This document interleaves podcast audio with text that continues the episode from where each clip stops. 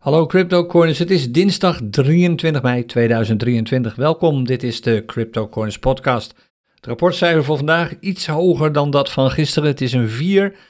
Nog steeds niet om over eh, naar huis te gaan gillen. En de, er is ook wat verandering, zoals je straks zult zien als we even naar de trends gaan kijken bij de CryptoCoiners scanner. Het ziet er gewoon eigenlijk allemaal nog niet, nog niet zo positief uit. En Even los van wat we zo meteen allemaal gaan bespreken. Het is echt op dit ogenblik aan wie het vraagt. We hebben echt wel tijden meegemaakt dat zo'n beetje iedereen berries was. Iedereen zei van nou de prijzen gaan eerder naar beneden dan naar boven. We hebben tijden meegemaakt dat iedereen bullish was. Iedereen verwachtte alleen nog maar enorme prijsstijgingen. En op dit moment is het eigenlijk wisselend. Aan de ene die het vraagt, die zegt van nee, we gaan absoluut nog naar beneden. De andere die het vraagt, zegt ik weet eigenlijk min of meer zeker dat we naar boven gaan. En als je het mij vraagt op dit ogenblik, ja, ik verwacht eerder prijsstijgingen dan prijsdalingen. Maar om nu te zeggen dat ik 100% zeker ben van mijn zaak, of zelfs 90% zeker van mijn zaak ben, nee, daarvoor is het sentiment op de markten op dit ogenblik, ogenblik gewoon te grillig. En zelfs indicators of aanwijzers, patronen, die normaal gesproken altijd, bijna altijd, de juiste voorspelling doen, om het zo maar te zeggen. Dus eigenlijk altijd correct aangeven welke kant het op gaat. Die zitten er tegenwoordig vaak naast. En hoe dat komt? Heel simpel, het sentiment in de markten. Het is lang niet gebeurd. Het is nog echt een graadje erger dan tijdens de uh, huizencrisis, de bankencrisis uh, eh, 2006 tot en met 2011. Het is lang niet gebeurd dat er zo grillig en zo angstig en tegelijkertijd een paar dagen later weer zo hebberig wordt gereageerd op nieuws. En dat is iets waar je gewoon ook op dit ogenblik rekening mee wilt houden. Het verandert ongetwijfeld wel weer een keer, maar het is nu echt gewoon supergoed oppassen. Geen voorspelling of verwachting geloven. Rustig aan, simpel. Komen we straks nog op terug als we de charts erbij pakken natuurlijk. Voordat we dat doen, even wat nieuws van ons. Uh, morgenavond, woensdag 24 mei, gooien we de deur weer open van ons populaire Crypto Corners Café. Dan gaan we live traden en allerlei vragen beantwoorden over Bitcoin en crypto en alles wat daarmee te maken heeft. En als je je afvraagt of dat café misschien voor jou een beetje te hoog is gegrepen, het antwoord is nee, absoluut niet. We hebben dat toevallig vorige week even gevraagd. Vorige week zaten we volgens mij met, denk 250, 300 mensen in het café. En toen heb ik even een polletje gedaan, zo van wie is hier vanavond voor de eerste keer? En dat was een man, vrouw of twintig ongeveer, ik geloof 10 of 11 procent, was gewoon nieuw. Die mensen waren nog nooit eerder in het CryptoCoins Café geweest. Een aantal daarvan waren ook gewoon eigenlijk helemaal nieuw op het gebied van crypto, bitcoin en traden. En zelfs zij, de meeste van hen zeiden van ik heb hier toch veel van gehad, uh, aan gehad. Ik heb veel vragen kunnen stellen, die zijn beantwoord. En daarmee is eigenlijk ons doel bereikt, want wij willen het Crypto Coins Café, ondanks het feit dat we daar gewoon live aan het traden zijn met al die charts en zo. We willen dat Crypto Coins Café zo eh, toegankelijk mogelijk houden voor iedereen. Dus ook als je totaal geen ervaring hebt, kom gewoon een keer langs. Morgenavond, half acht, www.cryptocoins.nl slash café. Dan helpen we je met alle plezier verder. En als je al een wat gevorderd trader bent en met name als je geïnteresseerd bent in tradingstrategieën die zijn gebaseerd op price action, chartpatronen, trending markten, FOMO trading, hoe je het ook noemen wilt, dan is het CryptoCoins Clubhuis misschien interessant voor je. Dat wordt uh, door Kevan georganiseerd. Dat is aanstaande donderdagavond om half acht. Als je zin en tijd hebt om daarbij te zijn, ga dan naar www.cryptocoins.nl slash clubhuis. Dat is dus donderdag. Kortom, we hebben alweer twee live sessies gepland voor deze week. Maar zelfs op dit ogenblik, terwijl ik deze podcast opneem, het is nu half twaalf ochtends, wordt er live gehandeld. En dan kun je gewoon bij zijn op onze razend populaire Samen Traden Discord server. 100% gratis. Als je daar meer over wilt weten en meer van wilt zien, ga dan eens naar www.cryptocorners.nl slash samen traden. En veel succes aan iedereen die daar voortdurend aan traden is. Waaronder natuurlijk onze absolute ster, Cedar, die volgens mij woont op onze samen traden Discord server. Die organiseert regelmatig sessies. En elke maandagavond, dan nemen ze het heel serieus. Dan gaan ze echt aan de slag. Worden veel schermen gedeeld, veel vragen beantwoord. Een soort mini-versie van het Crypto Coiners Café. Het is niet door ons georganiseerd, dus Kevan en mij, ja, we zijn er soms wel eens een keer bij, maar niet al te vaak. Het is puur een initiatief dat is georganiseerd door mensen uit de Crypto Corners community die al vaak langere tijd aan het traden zijn met één van de strategieën of meer van de strategieën die bij Crypto Corners worden gebruikt. En misschien vind je het leuk om daar eens te komen kijken. www.cryptocoins.nl slash samen traden. Maandagavond, absoluut een aanrader. Gisteravond hebben ze het ook weer leuk gehad, heb ik eh, begrepen. En dan natuurlijk Patreon, een nieuw platform. Waar hebben we vorige week een uitgebreid webinar over gehouden. En op dit ogenblik zijn, en dat verbaast ons echt, daar zijn we heel blij mee. 120 mensen hebben zich al aangemeld bij Patreon. En hebben dus het plan om serieus, echt serieus aan de slag te gaan met niet alleen crypto en bitcoin, maar waarschijnlijk ook met geld, dingen als mindset en noem maar op en zo. En die 120 patrons die hebben gisteren al kunnen genieten van de eerste aflevering van een splinternieuwe podcast, exclusief voor onze patrons, de Money Professional Podcast. De eerste aflevering ging over passief inkomen. Allerlei manieren om aan passief inkomen te komen aan inkomen te komen, mooie zin. Uh, inclusief strategieën die je daarvoor kunt gebruiken, valkuilen die je onderweg tegenkomt, alternatieven voor traden en beleggen, want er zijn veel meer manieren om passief inkomen op te bouwen. En ook een aantal fabeltjes zijn daar weggenomen. En ik heb het ook gehad over grote valkuilen waar je absoluut niet wilt intrappen. Er wordt al behoorlijk gereageerd op die eerste aflevering van die Money Professionals podcast. Zoals door Luca, die zegt bedankt voor de podcast, zeer leerzaam. En Roger die schreef bedankt voor deze eerste informatieve podcast. Inderdaad, ik herken bepaalde delen uit de Powerweken en uit eerdere podcasts van een tijdje geleden. Maar het is goed om dit weer allemaal onder de aandacht te hebben, onder het mond focus en motivatie. En dat geeft eigenlijk ook min of meer aan wat het Patreon-platform uh, zou moeten gaan doen voor ons, of gaat doen voor ons. Als jij met name uh, zit met misschien een gebrek aan focus, discipline en motivatie om traden en beleggen te blijven volhouden, of als je niet helemaal weet welke kant je op wilt om uiteindelijk geld voor je te laten werken, dan zou dat Patreon-platform wel eens ideaal voor jou kunnen zijn.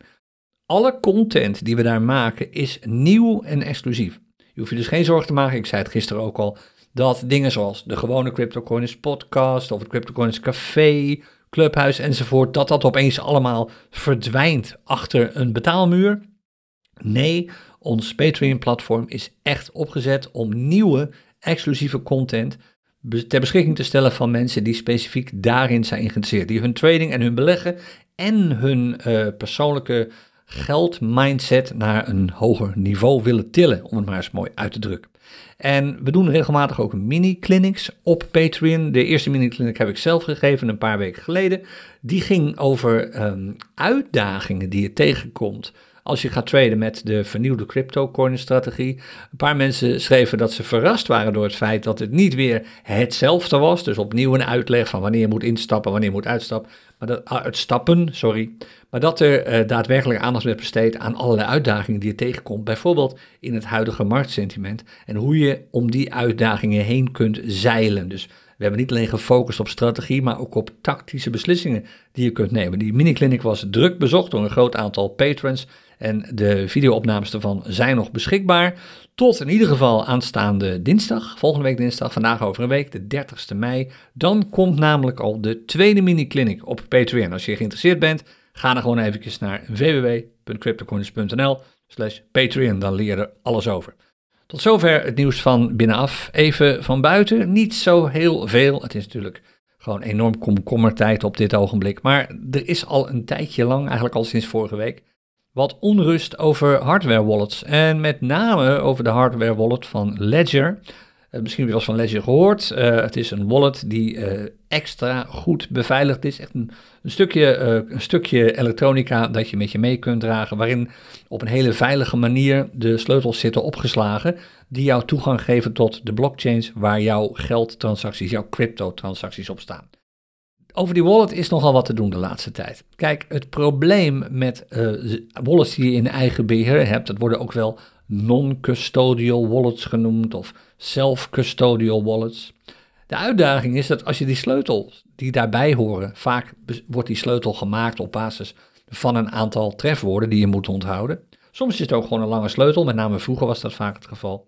Maar als je die sleutel of die woorden kwijtraakt, dan is het een heel simpel verhaal, dan ben je alles kwijt dan is er echt geen enkele mogelijkheid meer om dat geld wat op die wallet staat of via die wallet uh, bereikbaar is, nog op te vragen. Dat is gewoon weg. Dus dat is de grootste uitdaging. Voor elke non-custodial wallet zorg dat je de private key of die woorden, de seed words wordt het ook wel genoemd, niet verliest. Nou, bij Ledger dachten ze voor dat probleem een oplossing te hebben gevonden. En ja, ze hebben ook wel een oplossing gevonden. Voor een bepaald bedrag per maand kun je je abonneren op een speciale service. Dat noemen ze de Ledger Recover feature. En die service stelt uh, Ledger in staat om, als je echt je woorden verloren bent, die woorden terug te halen. Die worden op een behoorlijk ingenieuze manier opgeslagen in een aantal verschillende databases. Dat gebeurt uh, zwaar versleuteld, die zijn niet zomaar te hacken. Maar er is nu uh, duidelijkheid gekomen over één belangrijke vraag waar veel bezitters van Ledger mee zaten. Hoe zit het als er bijvoorbeeld een dagvaarding wordt neergelegd bij Ledger of als er beslag wordt gelegd of wat dan ook? En de grote baas van Ledger, Pascal Gauthier, die heeft gezegd van oké, in principe is het mogelijk dat een overheidsinstantie toegang krijgt tot die privésleutels, die private keys, via die recover feature. Alleen dat zal niet altijd gebeuren. Sterker nog, dat zal waarschijnlijk zelden gebeuren. Er moet echt wel een dagvaarding liggen. Maar juist dat antwoord van die CEO heeft eigenlijk min of meer bevestigd wat de laatste week al zo'n beetje rondging over die ledger-apparaten. Blijkbaar zijn die sleutels niet veilig. Nou, het is paar heel belangrijk naar mijn mening om een nuance aan te brengen. Dat is het volgende. Als je dat doet, dan betaal je daarvoor en dan kies je daarvoor. Oftewel, je neemt actief en zelf de beslissing om gebruik te maken van Ledger Recover. En als je dat doet, A, betaal je daar een bedrag voor en B, pas dan worden die sleutels door Ledger opgeslagen. Als je dat niet doet, als je geen gebruik maakt van Ledger Recover, als je dus gewoon besluit op de klassieke oude manier te blijven werken met jouw Ledger wallet, is er helemaal niets aan de hand. Dan is die wallet gewoon te vergelijken. Oké, een zwaar beveiligde versie, maar toch te vergelijken met een standaard wallet, zoals bijvoorbeeld Exodus, een wallet die je gewoon op je mobiele telefoon kunt installeren of op je computer. Ook non-custodial. Jij bent dan, als het goed is, de enige die die sleutels tot zijn of haar beschikking heeft. Maar zo gauw je beslist om Ledger jou te laten helpen met het veiligstellen van je sleutels voor het geval je jezelf verliest, dan val je dus in dit systeem en dan kun je er dus nooit meer 100% zeker van zijn dat jij de enige bent die toegang heeft tot die sleutels. Dus het risico wordt kleiner dat je je sleutels en je geld dus permanent kwijt bent. Maar het risico dat er ooit misschien een dagvaarding komt of iets dergelijks die impact heeft op jouw sleutels, wordt natuurlijk wat groter. Dat is eigenlijk de enige overweging, maar het is ongelooflijk om te zien hoeveel onrust daarover ontstaat. Terwijl er eigenlijk natuurlijk niet zo heel erg veel aan de hand is. Los van het feit dat het natuurlijk niet al te goed is gecommuniceerd door Ledger. Dat soort dingen moet je naar mijn mening PR-technisch wat genuanceerder aanpakken dan Ledger heeft gedaan. Want ja, je weet zelf hoe het allemaal werkt tegenwoordig met de sociale media. Voor je het weet heb je een shitstorm over je heen van mensen die het allemaal helemaal niks vinden, hun eigen mening hebben en die meteen als feiten presenteren. Naar mijn mening is het simpel. Eigenlijk is er niks aan de hand, tenzij jij wilt dat er wat aan de hand is en besluit je uh, te abonneren op die uh, Ledger Recover feature. Tot zover het Ledger Wallet verhaal. Heb je hier vragen of opmerkingen over? Graag, dat kan op onze eigen podcastpagina. Uh, die je natuurlijk in beeld ziet als je meekijkt, www.cryptocoins.nl slash podcast. Maar het kan ook via YouTube, als je de podcast bijvoorbeeld daar volgt. Dan verder niet zo heel veel te vertellen. Ik zei het al, het is toch een beetje komkommertijd. Dus we gaan maar even naar de charts. En voordat we dat doen, allereerst even uh, Hypertrader. Oftewel het handelsvolume. Hoe staat het ermee? Het is beroerd. De, af, de afgelopen tijd heb je er alles van meegekregen. Er zijn relatief weinig muntparen waar, naar mijn mening, genoeg in wordt gehandeld om je trades vrij makkelijk te laten verlopen. Gisteren waren er volgens mij maar 17. 17 van de honderden handelsparen, de honderden bitcoin handelsparen die Binance heeft, maar 17 daarvan hadden een volume dat groot genoeg was om redelijk makkelijk door een trade heen te lopen. Nou, het zijn er nu wat meer geworden. Kijk, 17 was natuurlijk gisteren, daar zit ik nu eergisteren bij, want je kijkt naar de laatste 24 uur. Nou, gisteren was het maandag, een normale werkdag. Dus het zijn we nu wat meer. We praten nu, tenminste op het moment dat ik eh, net even keek, ongeveer half twaalf, praten we over 23 muntparen. Nog steeds niet veel, maar er zijn in ieder geval weer trades te vinden waar je wat mee kunt. En wat de chart zelf betreft, bekijken er een paar vandaag. We kijken even naar de dag- en de urenchart van Bitcoin en dan even de goudchart. Laten we maar beginnen met die dagchart. En mocht je meekijken op YouTube, dan staat die nu ook voor je neus weinig veranderd sinds gisteren op een klein dingetje na. Het lijkt erop, we hebben een behoorlijke prijsstijging gezien sinds gisteren. Het lijkt erop dat we weer in de 27.000 zone terecht zijn gekomen. Toen ik de podcast gisteren opnam, hadden we nog een prijs van 26.750. Dat was de close van gisteren. Net iets onder die 27.000 zone. Nu zitten we er echt in. We zijn er zelfs al boven. 27.300 dollar op dit ogenblik. We hebben al iets hogere prijzen gezien. Zo spectaculair is het allemaal niet. Maar ik moet er wel bij zeggen, het is de eerste keer sinds vorige week donderdag dat we zulke hoge prijzen voor Bitcoin hebben gezien. En er is nog iets interessants gebeurd.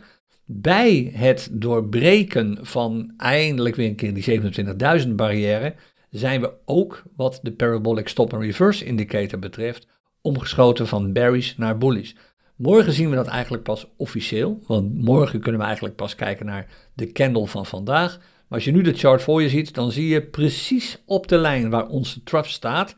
Geen wonder, want zo wordt zo'n parabolic stop reverse uitgerekend. Die gaat altijd uit van de laatste extreme low. En dat is in dit geval de laagste prijs van vrijdag 12 mei. En dat is onze trough, 25.800. Precies op dat niveau staat nu een PSAR symbooltje. En dat geeft aan dat volgens de parabolic stop en reverse de trend nu bullish is geworden. Als we kijken naar de peaks en troughs, nee, dan is hij absoluut, absoluut nog steeds niet bullish. We zitten nog steeds in een zijwaarts patroon en we komen uit een bearish trend. Dus we zitten ook nog steeds in die bearish trend. Maar het is niet alleen die PSAR die is omgekeerd, ook de unbalanced volume indicator is nu omgekeerd. En we hebben een klein pasje op de plaats gehad gisteren, maar, of eigenlijk eergisteren. Maar als je nu kijkt, eigenlijk sinds donderdag 18 mei, dus ook alweer sinds vorige week donderdag, gaat de OBV, de Unbalanced Volume Indicator, in een stijgende lijn. En die indicator, die OBV-indicator, die maakt natuurlijk ook, zoals eigenlijk elke indicator, gebruik van informatie uit het verleden. Het is gewoon een analyse van candlesticks en volume-indicaties. Maar hij heeft een behoorlijk voorspellende waarde. En dit is een helder signaal, vooral omdat dat al sinds donderdag aan de gang is. Een helder signaal dat de trend op de dagchart wel eens zou kunnen gaan omkeren van bearish naar bullish. Daar moet nog wel het een en ander voor gebeuren. Je weet, wij kijken eigenlijk alleen maar naar pieken en dalen. We hebben nu voortdurend eigenlijk lagere pieken en lagere dalen gezien. Lagere swing highs en lagere swing lows. En we zitten nu te wachten op een situatie waarin we hogere pieken hebben dan we eerder hebben gezien. En hogere dalen hebben dan we eerder hebben gezien. Nou, als je technisch naar deze chart kijkt, dan zou je kunnen zeggen, je mag dan zelfs de candle van vandaag meenemen. hey, de piek, de vorige piek die we hebben gezien, dat was de swing high van zondag 21 mei die was al hoger dan de piek daarvoor. Dat is trouwens niet helemaal waar. Die was lager dan de piek daarvoor, die we hebben gezien op uh, woensdag 17 mei. Maar het nieuwe dal dat we hebben gezien, dat is hoger dan het vorige op donderdag 18 mei. En de piek die we vandaag al hebben gezien, is hoger dan de vorige. Oftewel, we hebben nu de afgelopen twee dagen op de dagchart een hogere piek en een hoger dal te pakken. dan zou je kunnen zeggen, kijk eens aan, de trend is omgekeerd van bearish naar bullish. Ik kan me voorstellen dat sommige analisten er zo naar kijken. Ik denk dat het iets te kort dag is om dat te kunnen concluderen. Hoewel je technisch gelijk hebt als je het zo ziet, dan zou je ook misschien een beetje kunnen uitzoomen en kijken naar het grotere plaatje. En dan zie je naar mijn mening dat we sinds die low, dat dal dat we hebben gezien op vrijdag 12 mei, inmiddels anderhalve week geleden, eigenlijk min of meer een zijwaartse beweging hebben meegemaakt. En dat je een iets duidelijker signaal wil zien. En dat signaal zou kunnen zijn dat de prijs nu doorschiet tot de richting van waar nu de MA50 loopt. Zo rond de 28.000 dollar. En het was interessant om die prijsstijging te zien vannacht. Of volgens mij begon het uh, halverwege de nacht. Maar het uh, wordt nog veel interessanter als we een prijsstijging gaan zien die doortrekt richting die 28.000. En dan zou je kunnen zeggen van ja, technisch gezien is de dagchart nu echt bullish. Maar je wilt gewoon naar mijn mening uit dat zijwaartse patroon. Die indicator onderin, die OBV, die uh, schept hoop. Het lijkt er inderdaad op dat we richting die um, uh, uh, bullish trend beginnen te komen op de dagchart. En dat wordt ook nog een beetje bevestigd door de urenchart. Die zag er gisteren nog wat beroerder uit, maar nu zien we dat we echt duidelijk sinds gistermiddag, sinds de podcast heb opgenomen, een lange groene candle hebben gezien. Om twee uur gistermiddag was dat. Daarna even een kleine pullback, een kleine correctie, maar hop, die bullish trend wordt behoorlijk voortgezet. Je ziet echt op die urenchart nu dalen die steeds hoger worden en ook pieken die steeds hoger worden. Oftewel, de trend is nu echt overtuigend bullish op de urenchart. De prijs staat boven de MA20. De MA20 staat boven de MA50. De MA20 is keurig door de MA50 heen gebroken. Vannacht inderdaad rond 4 uur. Met name door die snelle prijsstijging die dus inderdaad vannacht begon om 3 uur, 4 uur en 5 uur. Sindsdien zitten we weer boven die 27.000 zone. Ja, en dat biedt absoluut kansen voor die dagchart. Dus de kans dat de prijs verder stijgt is absoluut realistisch. Hogere prijs op de urenchart, positieve trends op de urenchart, een voorspellende unbalanced volume indicator op de dagchart die de goede kans op gaat. Het ziet er best wel aardig uit. En ik ben benieuwd of we morgen inderdaad in die zone van 28.000 terecht zijn gekomen. Het zou zomaar kunnen. Veel gaat natuurlijk weer afhangen van, zoals eigenlijk altijd de laatste maanden, die enorme onrust die er is, ook op Wall Street. Daar ziet het er op dit ogenblik uit alsof er eigenlijk helemaal niks aan de hand is in de wereld. Dat gaan we zo meteen zien. Maar er is absoluut onrust. Er is absoluut onzekerheid over wat er nu eigenlijk echt gaat gebeuren met het schuldenplafond daar. Je ziet het een beetje terug in de prijs van goud. Allemaal nog steeds bullish, maar we hebben wel te maken met een lower low op dit ogenblik. En niet per definitie meer een higher low, maar op dit ogenblik, net als gisteren, een min of meer zijwaartse beweging. Nu al een bijna een week lang, want het weekend heeft gewoon tussen de laatste vier candles gezeten. De prijs van goud zal absoluut weer gaan stijgen als er slecht nieuws komt uit Amerika over het schuldenplafond. En het rare is dat op dit ogenblik iedereen ervan uitgaat dat er een oplossing komt. Het blijkt met name ook uit de angst- en hebzucht-index die je hier ziet, de Fear and Greed Index op uh, Wall Street. Die stond gisteren al hoog. Gisteren was hij sinds vorige week weer greed in plaats van neutraal. Hij staat nu zelfs op uh, eh, 70, extreme hebzucht bijna. Dan moeten we nog even door de 75 heen. En als je mij vraagt, het slaat echt helemaal nergens op. Waarom zou je op dit ogenblik als belegger en handelaar hebberig worden? In een tijd dat er voor absoluut geen enkel uitzicht is op een oplossing over het schuldenplafond. En op dit ogenblik zeggen de meeste analisten, nou, zover zullen ze het toch niet laten komen. Het is tot nu toe altijd goed gekomen. En de vraag is of dat deze keer echt zo is, want het komt niet vaak voor dat nog maar een week, acht dagen voor het einde van de deadline, of voor de deadline, want op 1 juni moet dit gewoon zijn geregeld, zo niet dan is het geld op. Het komt niet vaak voor dat er zo lang of zo kort voor het einde nog steeds zoveel onzekerheid is en beide partijen nog steeds recht tegenover elkaar staan. Het is opnieuw weer het geval aan wie het vraagt. Sommige congresleden zeggen van nou, alles is eigenlijk wel in orde, we komen er wel uit, we hebben een bepaalde mate van overeenstemming. En anderen zeggen van er is totaal geen overeenstemming. Die republikeinen doen alleen maar onredelijke voorstellen waar we nooit mee akkoord kunnen gaan. En dan lijkt het er naar mijn mening op dat er gewoon geen uitspraak komt. Nou, er zijn er een paar kleine trucjes die meneer Biden kan uithalen om te zorgen dat het schuldenplafond weer een beetje wordt opgeschoven. Maar het is naar mijn mening een slecht signaal dat mevrouw Yellen, dat is de Amerikaanse minister van, uh, van Financiën, niet per definitie een crypto-fan overigens, maar dat mevrouw Yellen zegt van mensen, er moet een oplossing komen. Verhoog alsjeblieft dat schuldenplafond, want we stevenen af op een ramp als dat niet gebeurt. Ik vind het een verrassing, A, dat ze dat signaal afgeeft. Dat is niet typisch iets wat mevrouw Yellen zou doen, normaal gesproken. En ik vind het een nog grotere verrassing dat aandeelhouders, beleggers en analisten en handelaren daar totaal niet op reageren. Die hebben zoiets van, nou, het komt wel goed. Het is maar afwachten. Wat mij betreft zitten we nog steeds in een aantal schijnbewegingen nu. En zijn aandeelhouders eigenlijk wat te optimistisch. En dan heb ik het nog niet eens over het feit dat de inflatie in Amerika echt niet onder controle is.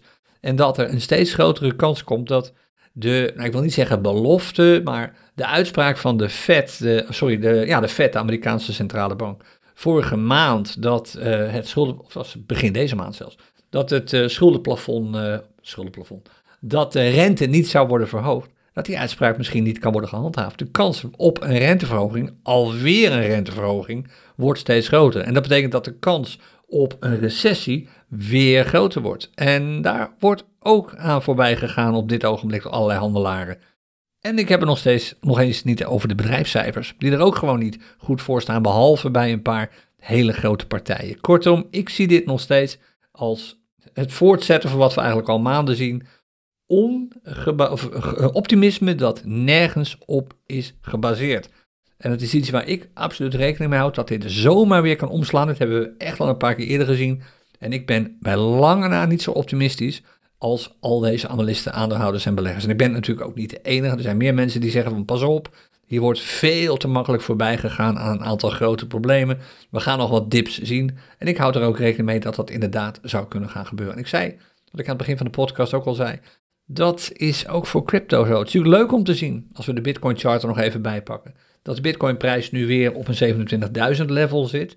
Maar als je gewoon even kijkt naar deze chart, dit is dan de dagchart, en je kijkt terug naar de periode van, laten we zeggen, 14 april, iets meer dan een maand geleden en nu, dan zie je door de bank gewoon, genomen gewoon dalingen. Echt euforische stijgingen zoals we die hebben gezien in maart, die zijn eigenlijk al lang uit de lucht. Je zou kunnen zeggen, puur kijkend naar die dagchart, na de flinke dip die we hebben gehad, onder de 20.000 euro, sorry, dollar, van, uh, wat was dat, begin maart? Nee, ja, 10 maart, hebben we een enorme prijsstijging gezien uh, van 19.000 richting de 27.000. Dat is echt heftig. Volgens mij is dat een procentje of 50 als je dat welke optelt. Ja, 40, 44, bijna 50 procent.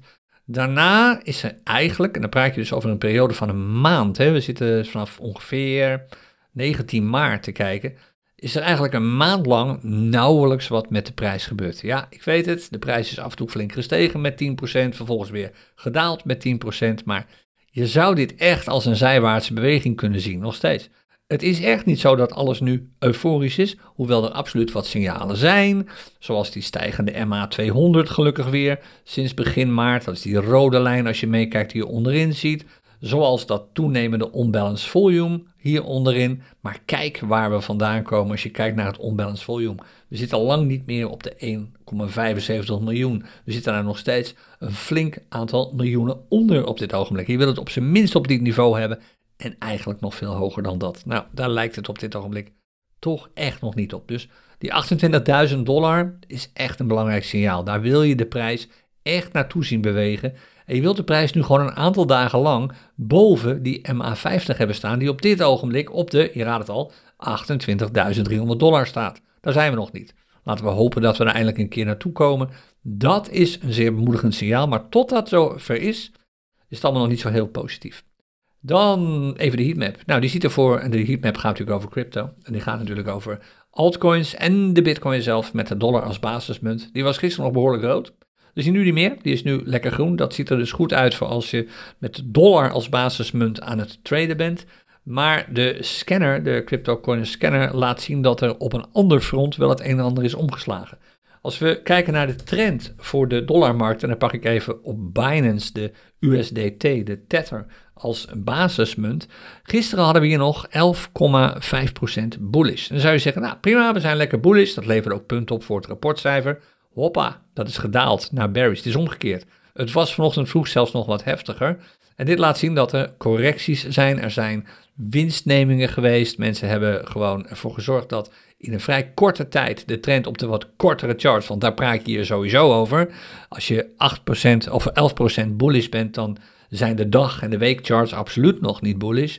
Maar als je kijkt naar de wat kortere charts, de 5, 10 uren, 5 en 10 minuten, misschien de urenchart, die waren even bullish. Een aantal ervan is alweer omgekeerd naar bearish op het ogenblik. Dus dit laat zien hoe grillig het sentiment op dit ogenblik is.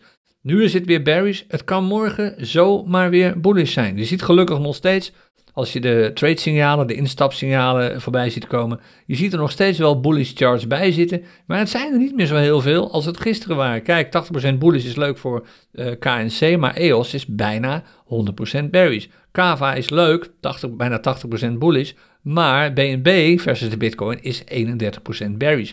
Dus het is opnieuw een bewijs dat de markten nu gewoon echt worden gedomineerd door opeens optredende hebzucht. Wow, we hebben alle problemen opgelost. En zomaar optredende angst. Blijkbaar is het allemaal toch nog niet zo gunstig. Veel te veel mensen gaan op dit ogenblik natuurlijk met leverage trading aan de gang, met margin trading, met futures en lopen daarmee enorme risico's als die futures moeten worden ingelost als een margin trade mislukt en er een squeeze plaatsvindt, waardoor ze opeens veel geld kwijtraken en prijzen zakken als een gek.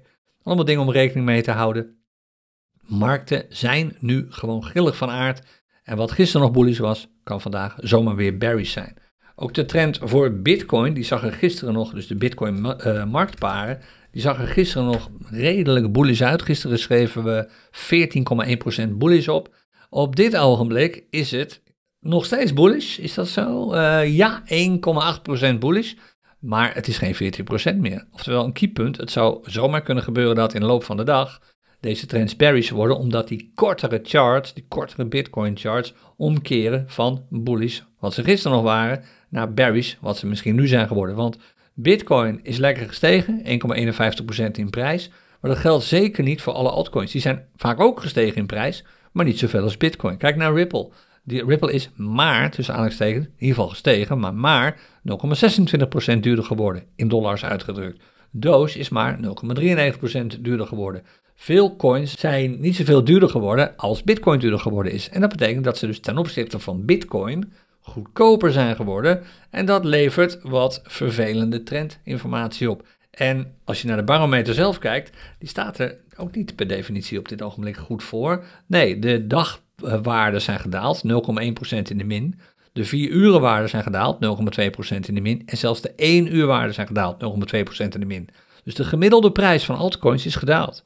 Sinds een uur geleden, sinds vier uur geleden, sinds een dag geleden. Dat betekent dat nu traden met de klassieke Bitcoin, uh, sorry, crypto coins day trading strategie vraag om probleem is. Nu traden met de vernieuwde crypto strategie gaat al een stukje makkelijker, maar gaat niet zo makkelijk als dat het gisteren ging. Dus opnieuw, zelfde verhaal zoals altijd. Houd goed rekening met het feit dat de markt zomaar kan omslaan als er weer een een of andere aankondiging komt, als er weer een of andere AI-bot wordt ingezet om te doen alsof het Pentagon is gebombardeerd, enzovoort, enzovoort. Uh, mensen vinden het superleuk om veel grappen te maken. Markten reageren daar op dit ogenblik extreem heftig op. Er is geen stabiliteit, er is geen gevoel van stabiliteit en dat kom je gewoon tegen als je aan het traden bent. Ik had gisteravond uh, een één op één sessie, uh, die was met mijn buurman, die wilde graag wat meer weten over prijsontwikkeling van bitcoin en crypto, hoe zit dat nou precies? En ook daar heb ik gezegd wat ik nu ook zeg. Op dit ogenblik is alles gewoon onberekenbaar. Prijzen die je betaalt en die je krijgt als je dingen verkoopt op de markt en ook op de cryptomarkt, die prijzen zijn gebaseerd op psychologie. Nergens anders op. Die zijn gebaseerd op de meningen die mensen hebben over de waarde van iets. Ze staan volledig los van die waarde ervan. En zeker in tijden waar we nu in zitten, tijden van totale instabiliteit, ook gevoel van instabiliteit, kunnen die prijzen zomaar heen en weer zwalken tussen extreem bullish naar extreem bearish. Als trader wil je daar rekening mee houden. Als belegger wil je jezelf niet gek maken. De prijs die je voor iets betaalt, de prijs die je nu misschien ziet op handelsplatformen voor dingen waar je in hebt geïnvesteerd, die is niet uh, hetzelfde als de waarde die zoiets heeft. Dus als je hebt gehandeld, als je, sorry, als je hebt belegd, geïnvesteerd met geld dat je kon missen, en je kunt dat geld nog steeds missen, dat hoop ik dan, is natuurlijk verder niks aan de hand. Gewoon rustig de rit uitzitten en laat je niet gek maken door al die paniek. Dat was hem, de CryptoCoiners podcast aflevering van vandaag. Volgens mij was dat aflevering 321. Ja, dat was hem. Ik uh, ga door met uh, meer content. We zijn ook bezig met het opnemen van wat videomateriaal. Daar ga ik vrolijk mee verder. En ik spreek je morgenavond weer bij de volgende aflevering. Morgenavond. Morgenochtend weer bij de volgende aflevering van de CryptoCoiners podcast. En hopelijk morgenavond bij het CryptoCoiners Café. Het zou leuk zijn, echt waar, als je daarbij kon zijn. We zien heel vaak mensen die we al een tijdje niet hebben gezien, die zich dan weer melden. Fantastisch om dat mee te maken. Leuk om te zien dat de CryptoCoiners community zo groot is en met name ook zo loyaal is. En dat zou leuk zijn als je ook morgenavond tijd had om even langs te komen. Tot dan en anders tot morgenochtend. Happy trading. Dag.